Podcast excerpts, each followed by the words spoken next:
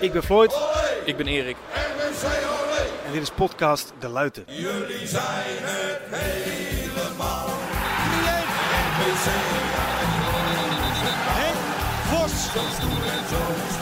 Van Loenhout schuift hem binnen en daar is de 2-0. En onze harten diep. Penalty, Gerry Voets. Jullie zijn het helemaal. En het is raak. Oranje jongens uit Roosendaal. Van wel en wee. Sensatie die zijn weerga niet kent. Ook dit jaar weer mee. RBC blijft behouden voor het betaalde voetbal.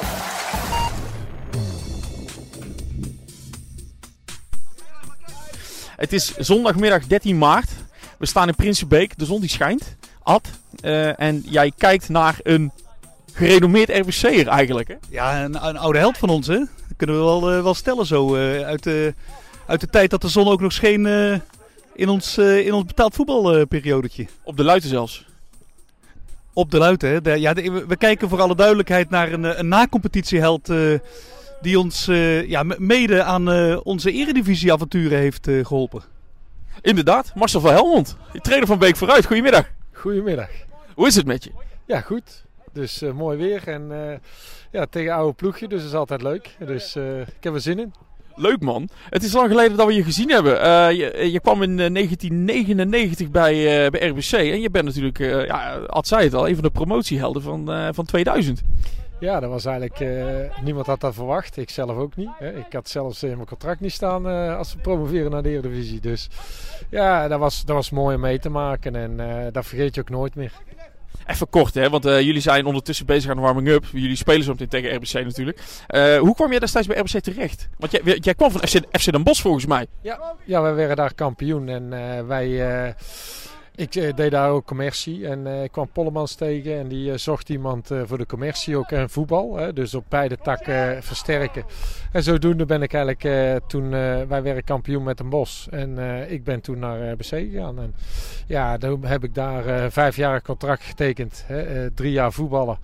En eh, twee jaar eh, commercieel. Nou, dat is later eh, omgedraaid naar twee jaar voetbal en drie jaar commercieel. Maar dat was omdat ik buiten het veld eigenlijk meer scoorde dan in het veld. Dus. Maar ik heb wel de mooie tijd meegemaakt. De eerste keer dat we promoveerden, vol eh, stadhuis daar. En eh, ja, dat was eh, on- on- on- onbeschrijfelijk. Dan was het inderdaad Ad, onbeschrijfelijk. Hè? Ik bedoel, jij hebt natuurlijk een hoop spelers zien komen gaan. Ad, in jouw 40 jaar, 35 jaar daar bij RBC komt. Wat is jouw herinnering aan, aan Marcel?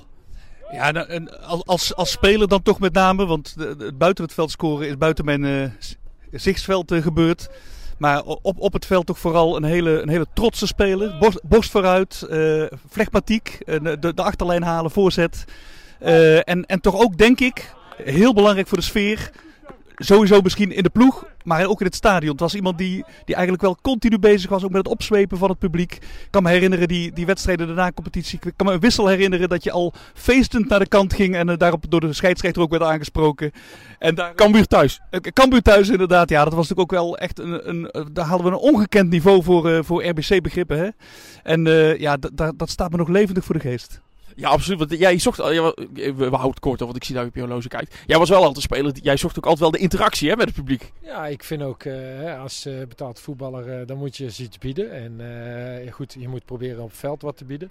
Maar je moet ze ook betrekken erbij. En eh, ik denk dat eh, hij omschreven het denk goed, hè, zoals ik was. En, en dat deden we heel erg. Hè. Ik was heel erg bezig hè, om het publiek er ook bij te betrekken. Hè. En eh, met z'n allen kan je successen boeken. En dat hebben wij toen ook gedaan. Hè. We, we, hadden helemaal geen bijzonder team. Hè, maar als team en eh, voor de sfeer en eh, noem maar op. Ja, daar was ik wel belangrijk in. En ja, daardoor hebben we ook, denk ik, de successen geboekt die we toen boekten. En dat, was, dat was gewoon mooi. En jij zei van, hè, ik had dan eh, twee jaar, eh, of het werd twee jaar voetballen, drie jaar commercie. Eh, op de avond van de promotie zag ik jou op de bar staan in Chagall als een soort host. En toen dacht ik, een carrière als, als tv-presentator, dat was jou op zich ook wel op het lijf geschreven. Nee, maar wat ik zeg, wat hij ook al aangaf, ik was haantje de voorste voor de sfeer. En ik probeerde altijd wel de sfeer en uh, dolle in de kleedkaal en dat soort dingen.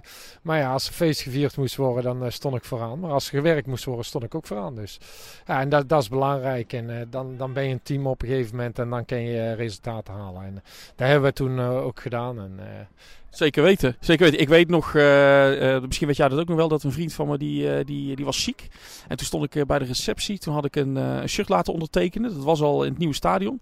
En jij zag dat en je zei van, hé, hey, een mooi shirt. En toen zei ik tegen ja, dat is voor een vriend van me, die is ziek, die heeft hersentumor. En toen zei hij, zal ik met je meegaan, dat shirt aanbieden. Weet jij dat nog? Ja, ja, klopt. En, het is ook altijd moeilijk en iedereen vindt dat vervelend. Hè, maar ja, dat zijn misschien nog het laatste wat je kan doen. En ja, als mensen daar gelukkig van worden en als, ze tegen jou opkijken, weet je wel, omdat je voetballer bent. En je kunt dan zoiets terug doen voor maatschappelijk gezien. Ja, vind ik dat hoort erbij en dat doe ik dan heel graag. Je wordt uh, ondertussen geroepen. Allerlaatste vraag. Uh, we kennen jou natuurlijk als een rechtsbuiten met een geweldige trap. Als jij nou training aan het geven bent en jullie trainen op stilstaande situaties of vrije trap, heb, zeg je dan nog wel eens tegen de gasten van hey jongens, laat die bal maar even liggen. Ik doe het even voor. Ja, dat deed ik altijd wel, maar ik moet ook heel eerlijk bekennen, het wordt nou wel een stukje minder. Maar dat heb ik heel lang gedaan. Ik deed ook heel, uh, toen ik in het begin van mijn trainerscarrière deed ik altijd mee. Ja, en niet om uh, op te scheppen, maar ja, dan was je eigenlijk nog gewoon wel de beste van, uh, van alles en iedereen.